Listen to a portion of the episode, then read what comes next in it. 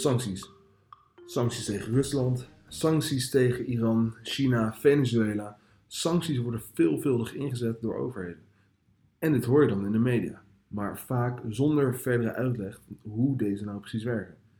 Tegenover mij zit John Smith, voormalig directeur van de Office of Foreign Assets Control van de US Treasury Department en op het moment partner bij Morrison Forster.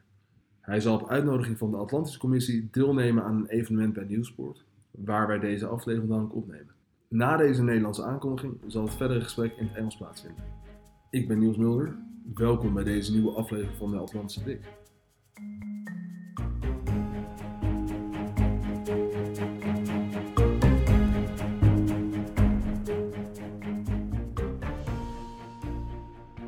Thank you so much for taking the time uh, to talk to us, Mr. Smith. Um, you must be very busy, but you made or you found the time to come to the Netherlands. How have you found it so far? How have you how much have you enjoyed it? Uh, I love the Netherlands, so I've been coming here since I was a teenager, and happily, years at the U.S. government and the United Nations allowed me to come here regularly over the years. So I've been able to have a fun time, enjoyable time, interesting time every time I'm here. And so you've been to Amsterdam quite often. Uh, absolutely. But uh, during the government years, I probably had to come here at least two or three times a year uh, nice. for government work. And it was, of course, always interesting. It was Amsterdam and The Hague. Uh, the Hague, you'd go for the government business, Amsterdam, generally for private sector, but it was always a good time in both places. Wow. Because you've got quite the career, could you perhaps explain a little bit of what you've done over the past years. Sure, although I'll date myself if I do so. I started at the U.S. government uh, about over 20 years ago. I spent about 20 years in the public sector at the U.S. Justice Department, then the United Nations, and then 11 years at the Department of the Treasury's Office of Foreign Assets Control in the United States. That's the U.S. sanctions agency. So I left the government about four and a half years ago to work at a private law firm, uh, Morrison Foerster, and I get to spend about two thirds of the year in Europe working on sanctions issues for private sector clients, governments, and NGOs. Wow. Um, so you spent quite a long time at the U.S. Treasury Department's Office of Foreign Assets Control, OFAC. Let's make it easy and call it OFAC. OFAC, cool. Um, and you've specialized in, um, in, in sanctions, and that's what I really would like to delve into. And since I study his, uh, history, uh, I would like to first create a bit of a historical context, if you like.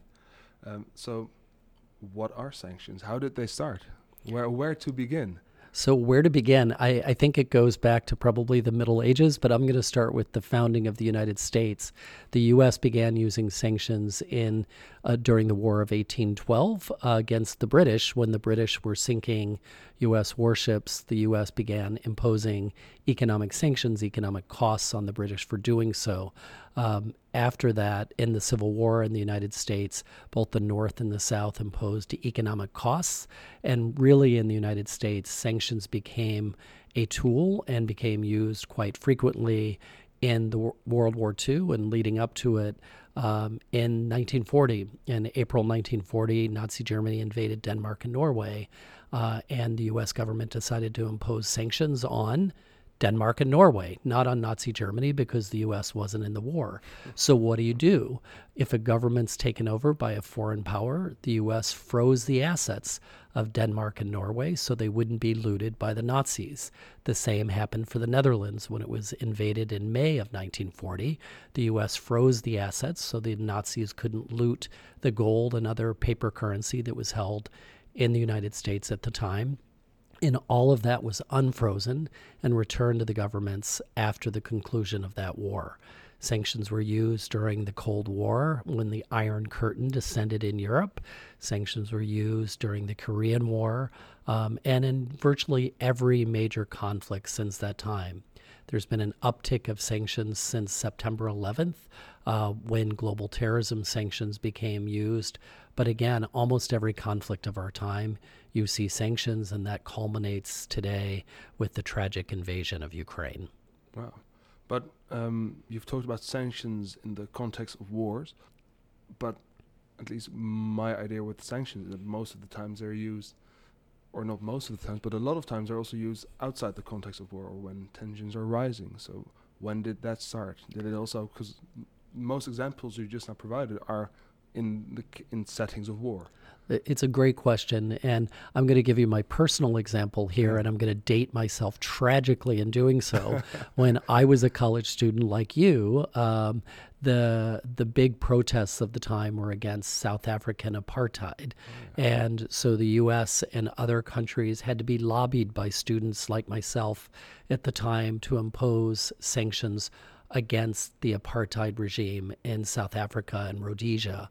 And so as company as countries joined that coalition and stopped doing business with South Africa, they were encouraged to change their system. So that's one of the quintessential examples used. I think in recent years, it probably Iran has been the better known uh, use of sanctions because a number of countries, including the United States, the European Union, China, and Russia, uh, combined with uh, Germany, decided to negotiate a deal with Iran called the Joint Comprehensive Plan of Action. But that was only after years of sanctions convinced the Iranians to the negotiating table over the nuclear weapons program.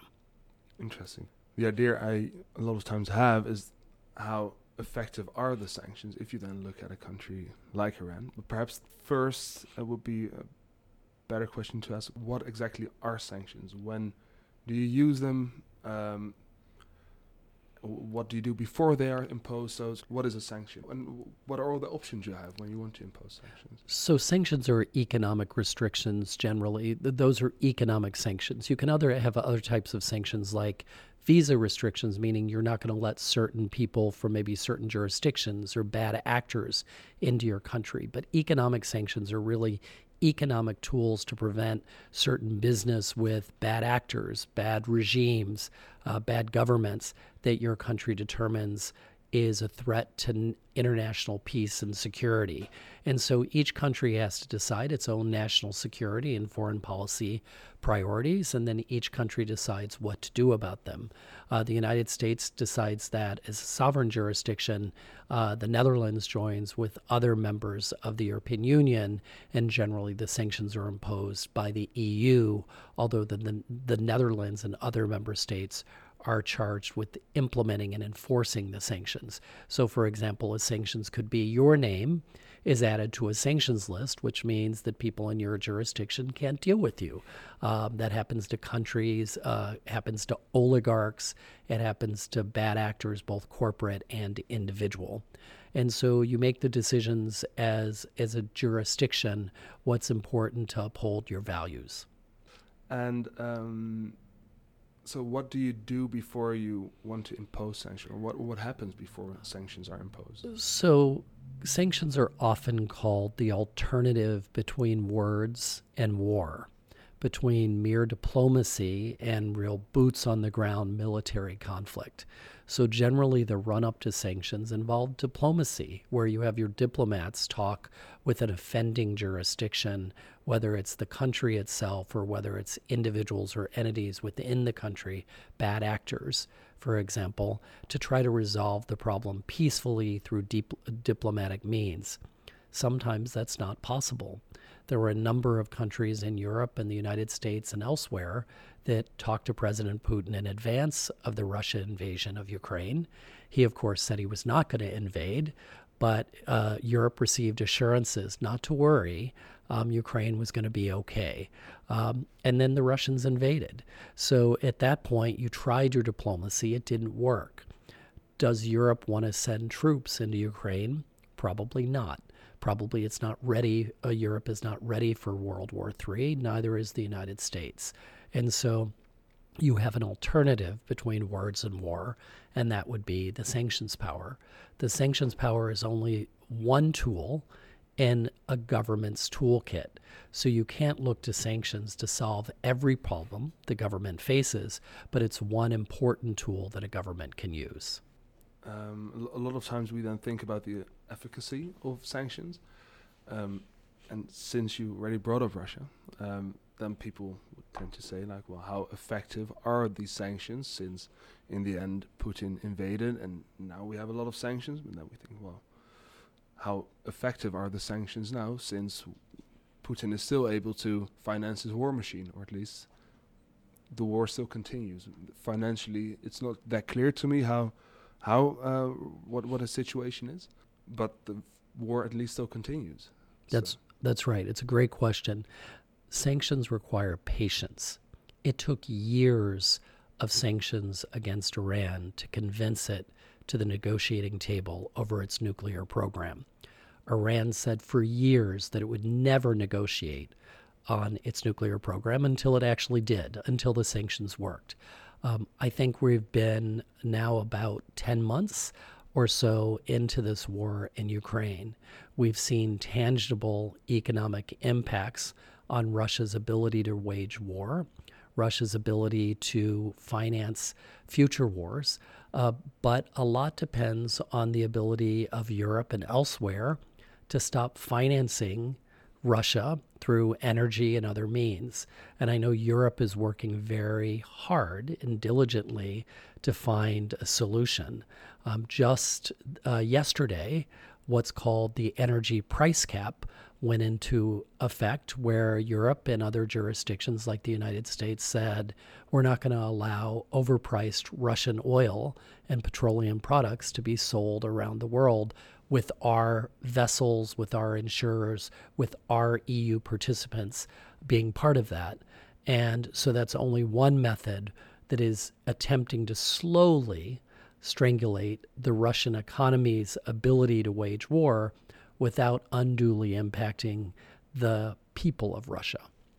So, how fair is it then to ask how successful sanctions are due to the amount of factors that involve? Um, or that are involved. And since we're talking about something that is successful over, or at least that might have an effect over the long run, how do you then decide whether or not it is effective? It's always it's always a fair question to ask because you don't want to have a government policy that is just not effective. So you should always look to the effectiveness of any measure you choose. But you just have to understand that with economic sanctions, they can take time. But think about it wars take time. Wars aren't decided generally overnight, although I think President Putin thought he was going to invade Ukraine and that war would be decided within a week and he badly miscalculated. And I think if you look how wars stretch on for years, you can have, expect that sanctions campaigns will also take many months and maybe take many years. I think President Putin has been betting that Europe will decide against the sanctions as the winter is colder and energy prices go up for the average European consumer. He's hoping that we all forget about the people of Ukraine, how cold they are um, without their energy infrastructure that the Russians are bombing. And I think the the hope is from the greater G7, European Union, United States, um, that the people of Europe and the rest of the world will think about the Ukrainians as we think about what our long term values support. But President Putin is betting that we won't. Yeah, fair enough in, in the context of Russia, I've heard at least uh, several experts talk about that not so much, or that we're not so much imposing sanctions, but that we're now in an economic war. Where do you draw the line? Could you call this an economic war or not, or how would you ca- uh, categorize this? Yes, you could call it an economic war. It's another term for it. Does that mean we're at all out economic war where we're not doing business with Russia?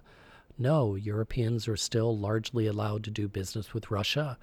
Americans are still largely allowed to do business with Russia, but our governments have decided that there are certain areas that are off limits.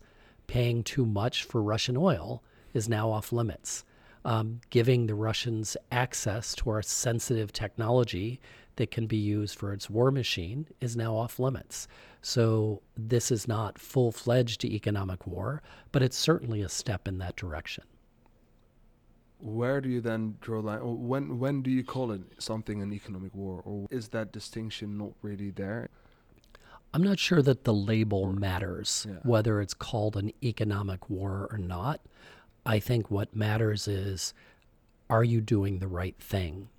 Are we as the European Union and the United States and the G7 doing the right thing and supporting the people of Ukraine as their country is being va- invaded and as they're trying to defend their right to sovereignty, to making their own decisions about their government and whether they want to be closer to the European Union or not.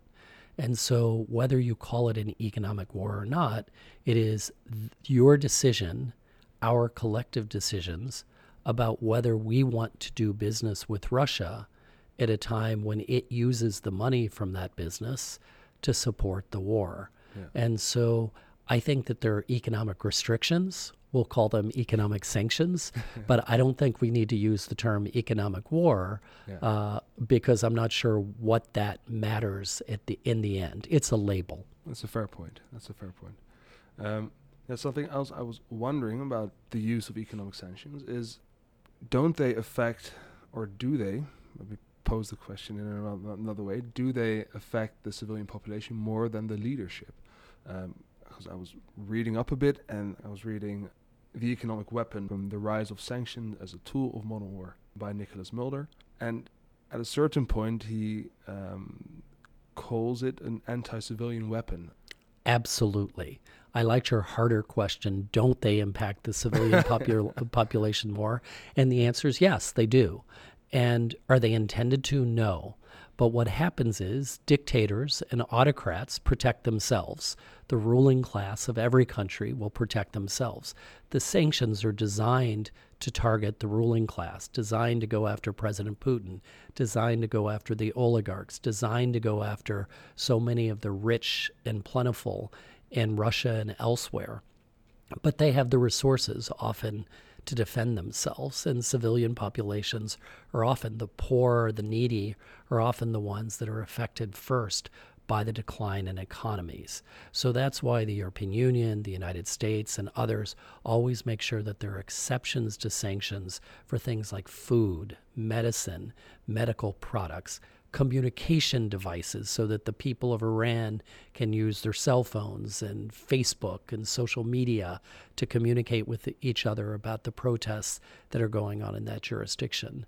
But at the end of the day, we have to accept that if you want to make a decision in a country's calculus, you're going to have to affect its ability to bring in income that it uses to wage war or stifle dissent.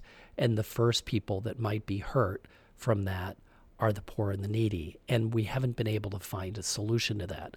I will say Europe has done a lot to move us in that direction. In the past, economic sanctions were considered old style embargoes where you basically strangled a, comp- a country. Um, in the mid 1990s, a number of countries in the European Union decided to pioneer a new concept called smart sanctions or targeted sanctions, where you didn't go after whole jurisdictions, like in the time Yugoslavia, but you would go after the bad actors within a jurisdiction, like the ruling classes. And that's what you can see we're doing in the Russia sanctions and other sanctions programs today. And since you already mentioned the EU, um, do the US and EU uh, differ in how they use sanctions? Or is there a difference? Absolutely, there's a difference. Um, there's a difference because there are different jurisdictions with different systems of law. There's also different policies in between the governments. Um, it is no surprise that President Biden has a different foreign policy than President Trump. And the sanctions that are used by the United States today are very different than were used just a few years ago. But I'd say the same thing in Europe as governments change within Europe, there's a different dynamic. You've got a number of countries in Eastern Europe, for example, that are very, very strong in supporting tougher Russia sanctions. And then you've got a few countries in Eastern Europe, like Hungary, that want to oppose additional Russia sanctions. So sanctions very much depend on the governments in power. The di- bigger difference between the EU and US sanctions, though, probably is that the EU sanctions require unanimous consent of 27 very different member states, and the US just needs the consent of one. Fair enough. Do you then also find that the uh, the sanctions US the US imposes uh, are more successful? No, because I think the sanctions that are imposed are most successful when they're multilateral, when they're international, when a number of countries agree together that conduct is wrong and something should be done about those. I mentioned already the South African apartheid sanctions. They only became successful when a number of countries joined in the global terrorism sanctions became effective when the United Nations stepped in and really wanted to support those. Sanctions on Iran became effective when the US and the EU banded together to really ramp up those sanctions together. So I think together we are much stronger than we are uh, divided. Yeah. If we were then to look again at Russia, where the US and the EU are imposing sanctions, but then I at least have the idea that the sanctions that we impose are mostly um, supported by the US and the EU, but how much support is there elsewhere in the world for those sanctions? And since you were talking about the strength of multilateral sanctions, are we then doing enough to include the rest of the world in our ideas? That way. So I think we're doing a lot to incorporate the rest of the world's viewpoints, but there are certain countries that just have fundamentally different views. China, for, China, for example, is the world's number two leading economy, does not support the use of what it calls unilateral sanctions. It only supports international sanctions that are imposed by the UN Security Council. The problem with UN Security Council sanctions is that they can be vetoed by any of the five permanent members of the Security Council, including Russia and China. So that's a different.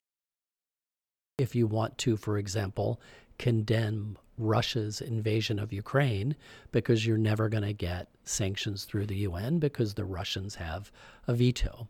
So the US and the EU, I know, work very closely with their diplomats and behind the scenes to try to convince countries like China to get on board or at least not actively oppose the sanctions that have been implemented. And so while you might see a lot of rhetoric about the for example that the Chinese don't support the US sanctions or the EU sanctions on Russia, you haven't seen a lot of backsliding where, for example, Chinese companies are actively supplying the Russians with military hardware and the other technology that we've been prohibiting from our jurisdictions. So I think some jurisdictions are trying to play it safe and stay in the middle. Since you were talking about China, tensions have seemed to be escalating between the US and China especially now if we look at the, the semiconductor industry. So that is one of the hot topics of this moment, I would say. How do you then look at the the, the, the recent sanctions the U.S. imposed on China? Um, and if we then look again at the U.S.-China relation of a U.S.-EU um, relationship, uh, that we can then see that the EU hasn't really followed the, the U.S. One of the interesting things as an American in Europe is that you generally try not to be too intros- intrusive uh, in pushing your views on other jurisdictions. And so I'll note that one of the things that I enjoy most about Europe is the strong commitment to fundamental freedoms and values, the importance of civil liberties and the individual. And that's an issue that I think we all have to confront when we consider our own jurisdiction's relationship with China. It, there's no doubt that China has a very different concept of democratic freedoms and individual liberties than does Europe or the United States. But there's also no doubt that our well being and economic livelihood depends on continued trade with China if many of our jurisdictions said, well, we're going to cut off China, you would go into recession. People would be out of work. Are your populations ready for that? We're already having difficulties with the Russia sanctions with certain of the uh, energy companies and the energy costs that we're all facing increasing dramatically and affecting um, the lives of everyone, all of us food prices have gone up, inflation is rising. So, all of those impacts are just from uh, the sanctions on Russia, which before the war had been the world's uh, number 21 uh, largest economy. Think what would happen if we had sanctions on the second largest economy in the world. There would be a major global economic impact. So, the difficulty with considering sanctions or restrictions on China is there will be a fundamental clash between our economic well being and perhaps our views on civil liberties and fundamental freedoms. And that's something that I think the EU and the United States and other jurisdictions will have to tackle. Hopefully, we'll find a way forward peacefully together um, in ways that don't impact our economies and don't undermine our values, but that remains to be seen. Would you like to see the EU follow the US more closely? Um, so in, in their in their in, in their footsteps. Um, so a dirty little secret that I'll tell you today is that a number of the countries in the EU, while complaining about the U.S. and being a bully, sometimes privately lobby the U.S. to convince some other EU member states to get tougher in certain sanctions programs. That's happened for decades and it will continue to happen, and it probably changes depending on the issue. And so I'm never going to answer the question do I think that a sovereign EU jurisdiction should follow the US? My view is sovereign EU jurisdictions should look to their own values, should look to their own national security and foreign policy priorities, and determine what's right for them. Sometimes it might align with what the U.S. has determined, sometimes it might not. But I think every country needs to make that decision for themselves. Um, and the answers might be different depending on the program. And that's okay. We don't have to all be exactly the same in our policies. In Dutch, I would say the EU is a Waardeunie, which is, which is a, union um, uh, based on our values and I therefore I think that the ideas of the liberal world order, those should play a very important role for at least for the EU to bond together and take at least a stance against the authoritarian uh, ideas that, that might spread if we don't uh, take our stance. But that's at least a personal opinion. I admire that position. I worked at the United Nations for several years partly because of my belief in international collective action is better than each country fighting on its own about its own position in the world. And so I admire your spirit on the EU, and we need a lot of young leaders like you to continue to speak up. Perhaps it might be interesting to then look at the other perspective of what I just now looked at authoritarian regimes. Um, we know they also use sanctions. Um, does that differ in how they use sanctions um, from the way the West, or at least the EU or the US, um, uses sanctions? So, generally, what we've seen in certain jurisdictions, and you'll call them authoritarian regimes, I'm just going to give you examples. Uh, we were talking about, for example, the US, the EU, the UK, for example, with respect to Russia sanctions. Uh, we have from Russia um, anti Russia sanctions. And so they'll sometimes, uh, I think after 2014, they cut off fo- foodstuffs to the EU and they stop buying certain foodstuffs from the EU. So, yes, they can impose their own sanctions. They can also penalize companies that are trying to exit the Russia because of uh, upholding of values. Uh, Russia can try to take a penalty. Uh, China, for example, has a national security law that basically says if you're a foreign company operating in China, you're not allowed to implement uh, sanctions that uh, don't comply with Chinese law, for example, that might penalize Chinese actors or some of those that have been sanctioned for human rights abuses in the Xinjiang province of, of China.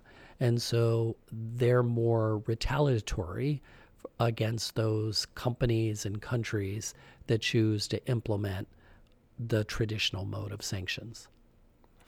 What would then for the EU or the US be uh, um, the best way to avoid those sanctions that are imposed, or do they have an ability to or to to decrease the effect of those sanctions? So I think for individuals and companies uh, that have to deal with the the impact of sanctions, the best is to try to think ahead. In formal terms, you call it a risk assessment. If you go into jurisdictions where you're not sure what the government will be like in the future or what the government actions will be in the future, you assess that as your risk in going in. So, as an individual, as a backpacker 20 years ago, I looked at the jurisdictions that I was going into, the countries that I was backpacking in, and thought, is this safe for me to go in? As a European, you generally could go into Iran safely, although a number ended up being kidnapped and there were difficulties.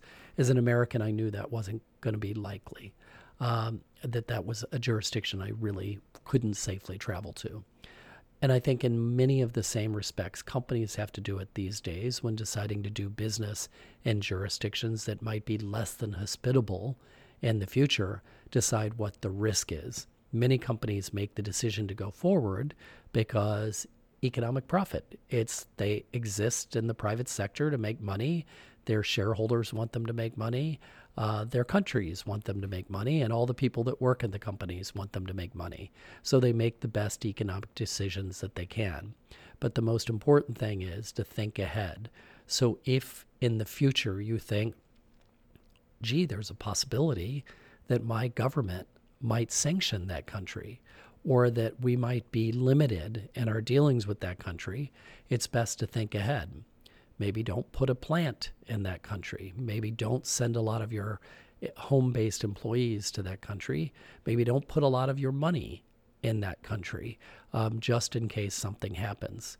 I'll say for those who, in the Russian, in the lead up to the Russian invasion in Ukraine in mid February of this year, is Russian tanks were gathering on the border there were still companies that were sending money to Russia, sending supplies, sending other other things to Russia, thinking they're not really going to invade. Um, that had was the mindset of a number of folks. I would say, be careful, be cautious, assess your risk. I feel nowadays that when we look at Russia, the we can quite easily state uh, they should be more cautious. Um, but if we then look at China again, I think it as you mentioned, it's the second largest economy. It's a, it's a lot harder uh, to say, well, we might not go there, we might not do business there. So, what would you then advise such a company? So, what I'd say is do your risk assessment and see what's reasonable for your con- company upholding its values both for profit as well as any other values that the company may have. I think a lot of companies these days are worried about the human rights concerns out of the Xinjiang province, for example, and so they may try to figure out where they source uh, their materials so they're not getting any products sourced from forced labor. Many companies were worried about the events in Hong Kong and what might be considered about the attacks on democracy there, so determining whether or not Hong Kong should be the center for their operations. And so I think it's just assessing what business that you can comfortably do with any jurisdiction and what business you think maybe you should hold off on. Or are there other jurisdictions where you can do the same business? Are there other supply chains where you can source materials from that may not be at risk of forced labor? It's those kind of decisions that companies need to make. Yeah.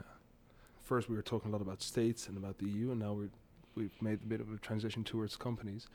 Um, how easy is it for companies to kind of to, to choose countries or choose places to deal with where if you want to take account of or you want to, to make sure you look at human rights um, to choose for different options because for certain perhaps for certain forms of labor or materials, you're kind of forced to do business with a certain country. It's probably one of the most difficult decisions companies have to make, and this is not a new dilemma. Many of our companies, both in Europe and the United States, chose to do significant business throughout Africa and Latin America in areas that were under dictatorships, where there was forced labor, where conditions were terrible. And our companies chose to do that for profit.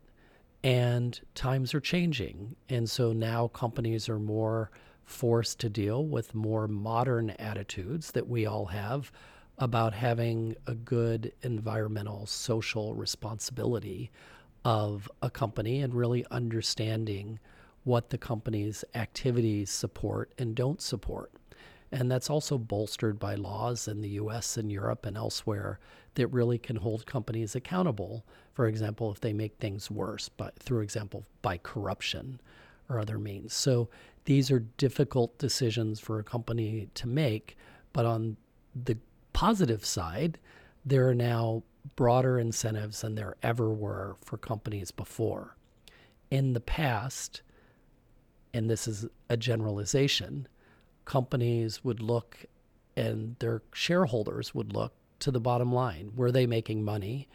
And probably only had to worry about being exposed by a scandal in a major media publication that would say, for example, the company's products are the result of forced labor in a third world uh, developing country. Today, shareholders and the public at large generally expect companies to do the right thing. And so that's easier for the companies because they have the buy in of their governments, of their shareholders, and of the public of the countries where that they represent to do the right thing. But it's harder because they have to figure out what the right thing is. Earlier, we're talking about young leaders. Um, I at least think that uh, with um, the, the tensions that are rising with China and, and with with some speeches of Biden, you sometimes you get a feeling of that, that we're moving against a democracy versus the rest uh, situation in the world. So that the a more complex Cold War. Um, what would your message be to the young leaders who might have to uh, use sanctions more often? Um, yeah, well, what would your message be to them? Support your values. Uh, I think it's interesting and an area that I wholeheartedly agree with President Biden is concern over democracy in the world as I grew up, democracy was an expanding concept, and you thought it was just reaching more places around the globe. And now we're seeing backsliding all around the world and sometimes in neighboring jurisdictions, uh, sometimes in one's own jurisdiction. And it's, some, it's very difficult to see. And I think supporting your values, what's important to you, sometimes over the bottom line, may be the most difficult choice to make. Mm-hmm. When I see the United States make decisions and when I see EU member states struggle with decisions over sanctions, it's often a competition between the economic interests of that particular jurisdiction. Are we going to be hurt by this sanction more than the other EU member states? And so, if we are, then we don't want to agree to it unless there's a compromise. So, struggling with that balance over the the other side, the competing side of what really matters and what are your values, um, is really the ultimate question that I think we all have to to deal with. And that's no criticism of the EU member states and the United States that has to struggle with the economic impacts because at the end of the day, if you lose the support of your population, you lose the vote. Another government is voted in that might have a different view on the sanctions completely. And so that balancing act is a difficult one for all governments to make. And so for young leaders, uh, choose wisely. In the context of choosing wisely, uh, do you have still a couple of book tips for us to dive into to get more into the uh, to to really understand sanctions, how to use them, and what do they mean in the broader context of perhaps geopolitics or the world? So you warned me ahead of time that you were going to ask me this question, and yeah. I completely failed to do my research. So I'm going to just tell you a few off the top of my head Amazing. that may not have been what I might think about after careful thought. But a couple that I'll give you are um, Treasury's War, a book on economic sanctions that were imposed from September 11th onward.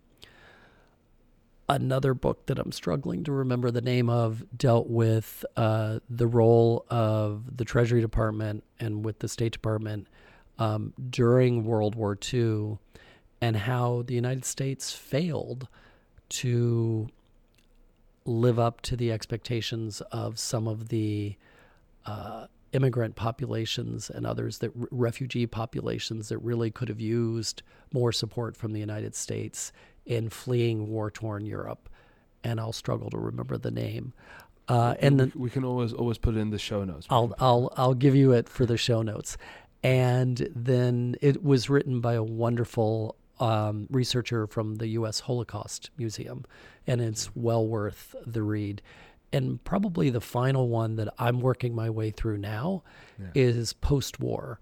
Uh, it's a book on w- Europe after World War II and how the struggle to rebuild and gain the support of populations when they were cold and tired and hungry.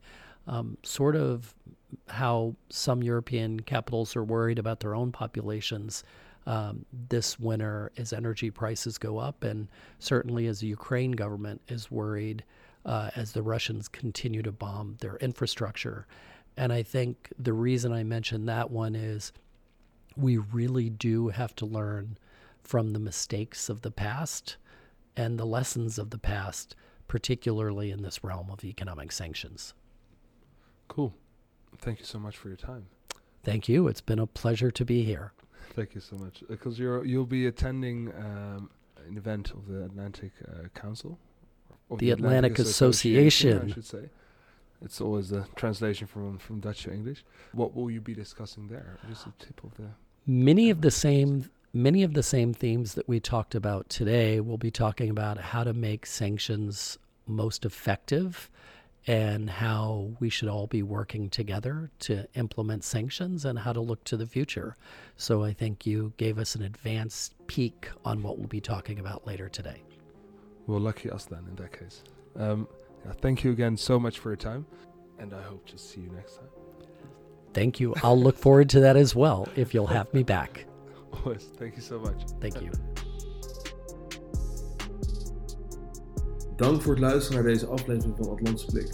Het tweede boek waar de heer Smith zojuist aan refereerde was het boek Rescue Board van Rebecca Erbelding.